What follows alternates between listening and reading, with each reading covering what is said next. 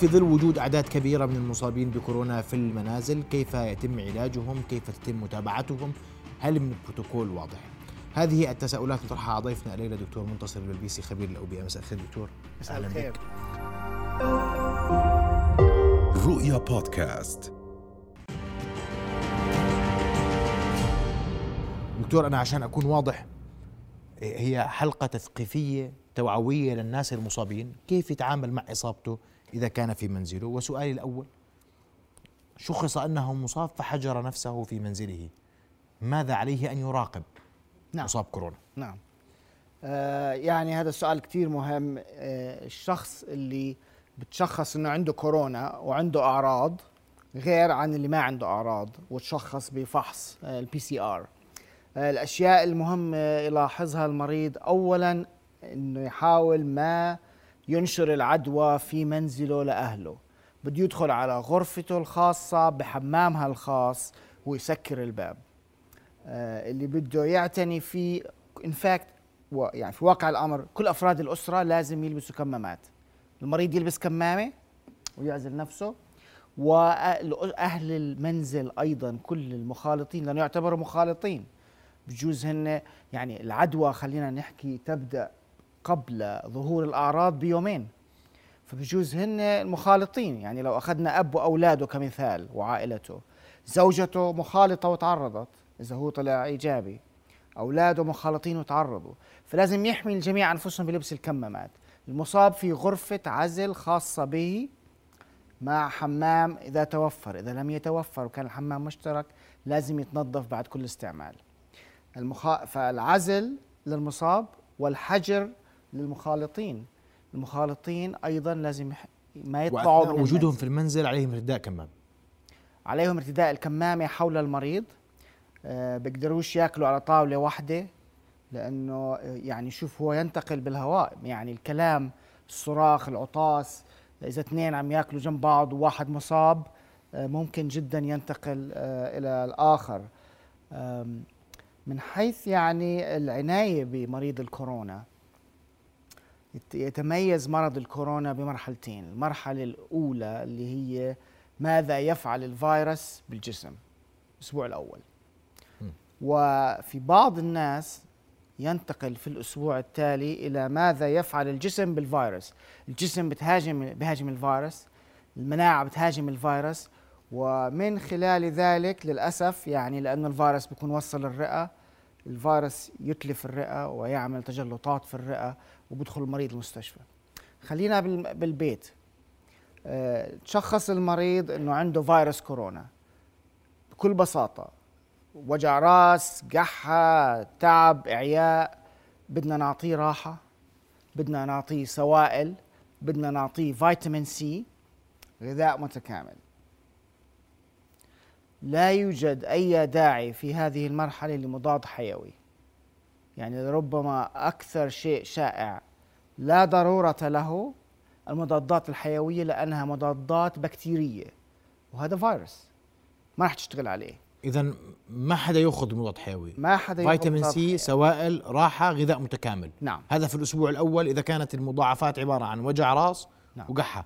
في ناس بياخذوا وقحة. يعني هذا شيء فقط يعني للتخفيف من حدة القحة. م. ممكن. هلا إحنا بنراقب المريض بدنا نراقب عدة شغلات. بدنا نراقب صحيانه ودرجة الوعي. بدنا نراقب آه الأكسجين لأنه هي المرحلة الأولى الفيروس بالأنف. بيبدا شوي شوي ينزل لتحت ويأثر على قدرة الرئة على إنها تاخذ الأكسجين من الهواء. هاي الأجهزة المنزلية مناسبة لنفس نعم الأكسجين. الأجهزة المنزلية اللي بتنحط على الإصبع مناسبة جدا بتقيس بشكل سريع ويعني سهل القراءة تعطي نسبة مئوية لإشباع الدم بالأكسجين م. الطبيعي 95% فأعلى آه، هلأ آه المدخنين بتكون أوطى شوي يعني ب 92 إلى آخره إذا مريضنا صار عنده أعراض ضيقة نفس مش قادر اتنفس إذا صار عنده الأكسجين بنزل للثمانينات تحت التسعين. إذا صار عنده يعني واضح بصير يعمل المريض ها؟ بياخذ نفس عميق بشدة وقوة. حتى الأنف بفتح.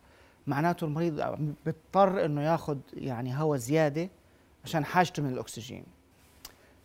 بنراقب شيء بنسميه يعني عدد الأنفاس في الدقيقة. الطبيعي 12 ل 14 ل 16 إذا المريض عم بتنفس 20 مرة بالدقيقة بنطلع عليه وبنحسب على الساعة دقيقة. نفس نفسين ثلاث. إذا والله نازل تمام؟ بيعمل 30 بالدقيقة في مشكلة. هو عم بحاول ياخذ كفايته من الأكسجين لأنه الرئة ما عم تشتغل مزبوط. الأعراض هاي اللي ذكرناها ارتفاع يعني تردد النفس هبوط الأكسجين نسبة إشباعه في الدم عن التسعين. لتحت التسعين. آه إذا المريض صحيانه مش مزبوط إذا بلخبط بدأ يلخبط مش عارف حاله وين مع مين بيحكي تمام؟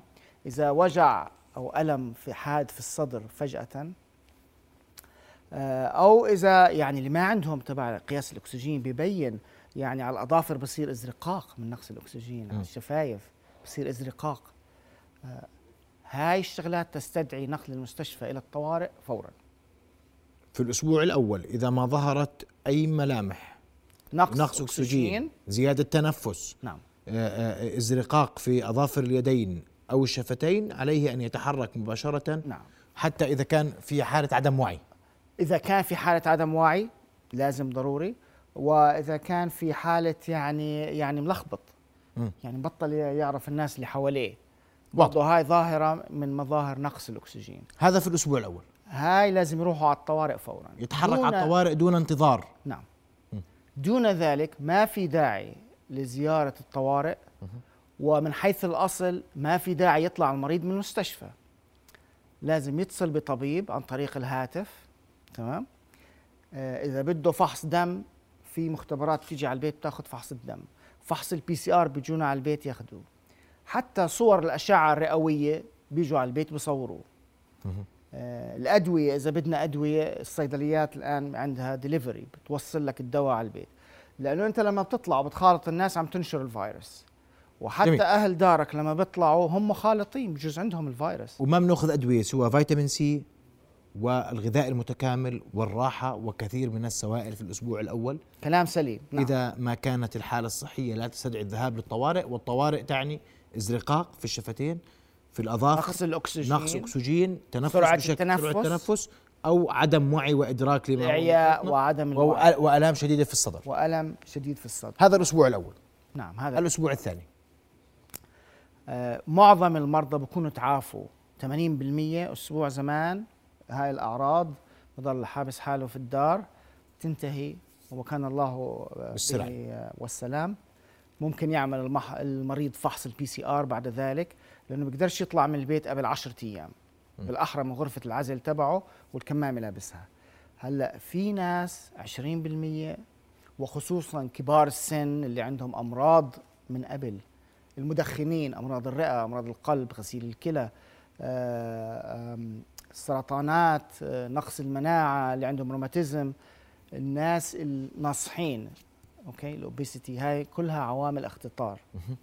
آه، هدول الناس غالبا ونضيف على ذلك المش مطعمين فوق ال 80 تقريبا 90% من الناس اللي الآن بيحتاجوا لدخول مستشفى بسبب نقص الأكسجين هم من غير المطعمين 90% من الوفيات هم من غير المطعمين فاللي مش ماخذ مطاعيمه بشكل كامل وحاليا تعريف التطعيم الكامل جرعتين وسيصبح قريبا ثلاث جرعات. الجرعة المدعمة بترفع المناعة وأصبحت ضرورية يعني قدوم مايكرون إلى آخره. طيب.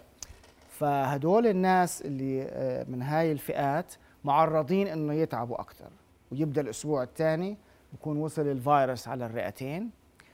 بصير آه، صعوبة التنفس أوضح إلى آخره لازم يروحوا على المستشفى. اللي عندهم نقص أكسجين في المستشفى في الطوارئ نقدم لهم. الأكسجين أهم ما نقدم ويعني بنعطيهم أكسجين بيحتاجوا أكسجين بطريقة يعني كبيرة. يعني مريض الكورونا بيحتاج عشر أضعاف مريض عادي من الأكسجين. ففي طرق إعطاء أكسجين عالية ال- يعني ال- آه، السريان. المريض العادي يمكن نعطيه لترين لستة. مريض الكورونا باخذ من 15 ل 30 لتر بالدقيقة. واحد. واثنين بنعطيهم كورتيزون. بدي أركز شوي على هاي النقطة اللي هو دواء بسموه ديكادرون أو دكساميثازون أثبتت الدراسات بأنه المريض اللي بتنزل بنزل عنده الأكسجين. لما بياخذ هذا الدواء بيساعده كثير وبخفف من الوفيات. فهو إعطائه بإشراف طبي مباشر. وليس في المنزل يعني كان في بداية الوباء كل واحد بنصاب بده ياخذ two antibiotics Zithromax و Tavanic ومش عارف إيش وبياخذ كورتيزون إعطاء الكورتيزون قبل أوانه يؤدي إلى ضرر. إحنا بدنا نعطيه لما إذا نزل الأكسجين. قبل ذلك بسوء حالة المريض. يعني الواحد ما يداوي نفسه. يعني this is not a DIY مش مش إنه إقرأ على هالإنترنت شو مكتوب وخذ أدوية. طبعا اطلاقا. الكورتيزون ما بنعطاش غير لما ينزل الاكسجين المريض. آه بده إشراف طبي. المضا... وبده إشراف طبي نعم. لأنه بصاحبه أشياء أخرى. هو نزول الأكسجين دلالة على أن الرئة فيها أصبح يعني التهاب عنيف آه من العاصفة المناعية. ويعني اسطح الرئه اللي يتم فيها تبادل الأكسجين بدخل بيطلع ثاني أكسيد الكربون لا تعمل. بتكون غرقانة. في يعني في آه، دراسات على الوفيات كورونا. okay؟ يعني وتشريحهم وجدوا إنه الرئة السطح هذا تبع تبادل الغازات غرقان بالسائل الالتهابي. مش مش قادر يدخل الأكسجين ولا يطلع ثاني أكسيد الكربون. وتبعا لذلك بنقص الأكسجين على المريض. وتبعا لذلك بصير في تجلطات في الرئتين في الشرايين والأوردة وبصير ضغط على القلب. فمن الأشياء الأخرى اللي ممكن نعطيها في هذه المرحلة مميع ولكن لا يؤخذ المميع دون إشراف طبي مباشر لأن المميع من أخطاره طبعا نزيف إذا بتأخذ مميع. آه، يعني بحكي من خبرة يعني كثير مرضى دكتور أخذت Zithromax وأخذت كورتيزون وأخذت مميع. الله أكبر. هاي أدوية يعني إحنا كأطباء بنحسب 100 حساب قبل ما نعطيها. ولا بد من مراقبة المريض عند أخذها. لأنه ممكن تؤدي إلى مضاعفات لسه أسوأ من المرض نفسه. فهاي المرحلة إذا بقيت الحالة بعد الأسبوع الأول في الأسبوع الثاني تتفاقم عليه مراجعة الطوارئ؟ نعم. عليه مراجعة والحصول على إشراف طبي مباشر لحالته ولا يتم تعاطي أي نوع من أنواع المضادات الحيوية نعم. أو الأدوية إلا بإشراف طبي. كلام سليم. هلأ يراجع برضه فيها يعني تفاصيل. الأفضل إنه يروح بسيارة إسعاف ولا بد إنه يستمر بلبس الكمامة ويخبرهم لما يوصل على الطوارئ. حتى لما يطلب الاسعاف يخبرهم إنه عنده كورونا عشان ياخذوا احتياطاتهم وذهاب الناس اللي ما عندهم الأعراض واصلة لهي المرحلة من السوء إلى الطوارئ بيعجق الطوارئ وبيعجق الدكاترة وبيعجق التمريض بح... يعني بيعمل حالة إرباك عامة. بيعمل حالة إرباك عام. هذا وباء يعني في أرقام فلك عم نشوف هلأ حاليا وصلنا ل 2500 بس تخيل 2500 واحد رايحين على الطوارئ. آه إحنا بالطوارئ بنعمل شيء اسمه ترياج يعني تصنيف الحالات. فأكيد واحد مرشح وحلقه بوجعه مش راح ياخذ أولوية على واحد عنده نقص أكسجين عم بختنق بس راح يعمل ارباك لل system طيب. دكتور اذا ما في أي تعاطي مع الأدوية الا الإشراف طبي وفي الأسبوع الأول حكما ما في أدوية الا إذا كان في نقص أكسجين وهذا يحتاج أيضا لإشراف طبي ومراجعة المستشفيات نعم. يعني كل ما يتم نعم. التعاطي معه من أدوية ومضادات حيوية هو أمر عاري عن الصحة طبيا تماما ولا بد من إشراف طبي مباشر. جميل. وحتى يعني بعض الزملاء يعني بتكارموا بالمضادات الحيوية. أثبتت الدراسه ما لهم دراسات ما لهم أي دور. هذا فيروس مضادات البكتيريا لا تعمل عليه. جميل. هلا إذا في مريض عنده آه، التهاب بكتيري مثبت طبعا نعطي مفهوم. والنقطة اللي أيضا يعني لما مش كل واحد بنصاب شهروه على الطوارئ مش كل واحد بنصاب يلاقي حاله فات على المختبر. عدا جماعة المختبر. فات على عيادة الأشعة عدا جماعة الأشعة. راح على عيادة الطبيب وجلس بين المراجعين وعداهم كلهم. لا يجوز عرفت كيف؟ لا يجوز. طيب. فالمريض لازم يضل لابس كمامته ما يطلع واضح. من البيت. ممتاز. آه وكل شيء بيحتاجه الأفضل إنه يوصل له. يؤمن له. نعم. طيب دكتور في في وردتنا كثير أسئلة عن أعراض ما بعد كورونا. نعم. تحديدا بقول لك أنا والله فقدت الشم والذوق وطالت المدة. نعم. والبعض يأخذ علاجات ل- ل- ل- لاستعادة ال- نعم. الشم والذوق بشعر باعياء عام. يعني طبعا الشم والتذوق هي من الحواس المهمة للإنسان مش هيك؟ يعني حتى يعرف يأكل وحتى هي حماية للإنسان إذا بشم آه، يعني سمكة معفنة مش راح يأكلها فبتحميه من التسمم. آه، بس إنما فعلا حصل آه، يعني تأخر في عودة هاي الحواس لطبيعتها مرات حتى لست أشهر. بس ما في مشكلة يعني طبية في ذلك. وحسب علمي لا يوجد علاج يعني يسرع في عودة هاي الحواس إلى طبيعتها. هي يعني زي ما تقول خلل عصبي مؤقت عادة بسبب آه، الفيروس والالتهاب في الأنف والحلق والفم. والإرهاق والإعياء الشديد اللي بيشعر فيه بعض المرضى؟ نعم. في هناك ما يسمى بما بعد متلازمة أو متلازمة ما بعد كوفيد. post COVID syndrome ومنها التعب اللي بيستمر مرات لأشهر آه، منها ضيقة النفس اللي بتستمر لأشهر. في شيء بسموه brain fog حتى التفكير عند المريض بضل مش الذاكرة هيك مش آه، مش الأمور مش واضحة عليه بضل شوي تعبان. آه، وأعراض أخرى مفاصل أوجاع أوجاع عضلات. آه، يعني وجدنا بأنه هذا الالتهاب يعني وهذا الفيروس شرس وهو مرض يعني آه، قوي على الإنسان وقاتل بلا رحمة. بلا رحمة. يعني آه، الناس اللي عم تتوفى الأطباء اللي عم بتوفوا يعني فقدنا الأسبوع آه، الماضي زميل جراح آه، يعني من أفضل الناس وأخلاقيا الله وعلما. إلى آخره بسبب الكورونا. ولا بد من التشديد على المطاعيم المطاعيم تحمي من الوفاة ودخول المستشفى. طيب.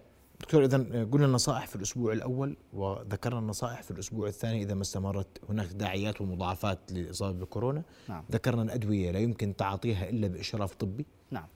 ولا صحة لت- لتناول مضادات حيوية وأدوية يمين وشمال. هذا كله مضر بالمريض ولا ولا يساعد على العلاج بالمطلق. هذه من خبرتك العملية وأنت تعالج نعم. مرضى كورونا. هذا أنا عشان أوثق فقط. نعم. طبيا إحنا بنعتبر الزائد أخو الناقص.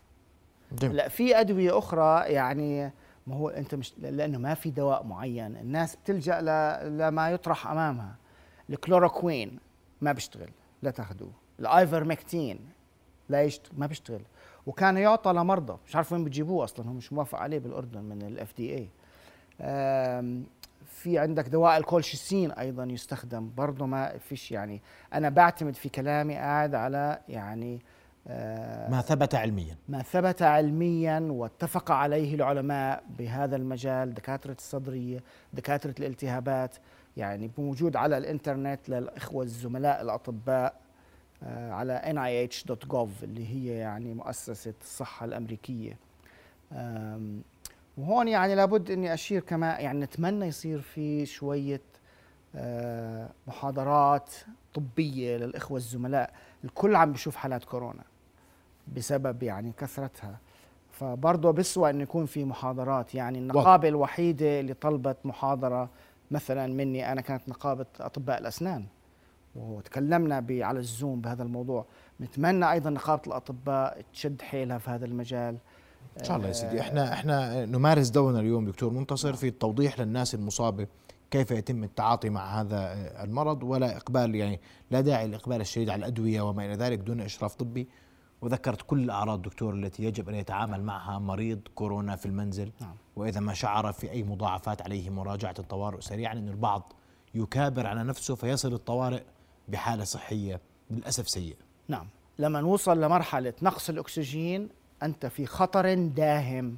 نقص الأكسجين رح يعمل ضرر في الأعضاء رح يتلف الرئة بزيادة رح يؤدي إلى تجلطات. آه، بصراحة صعب.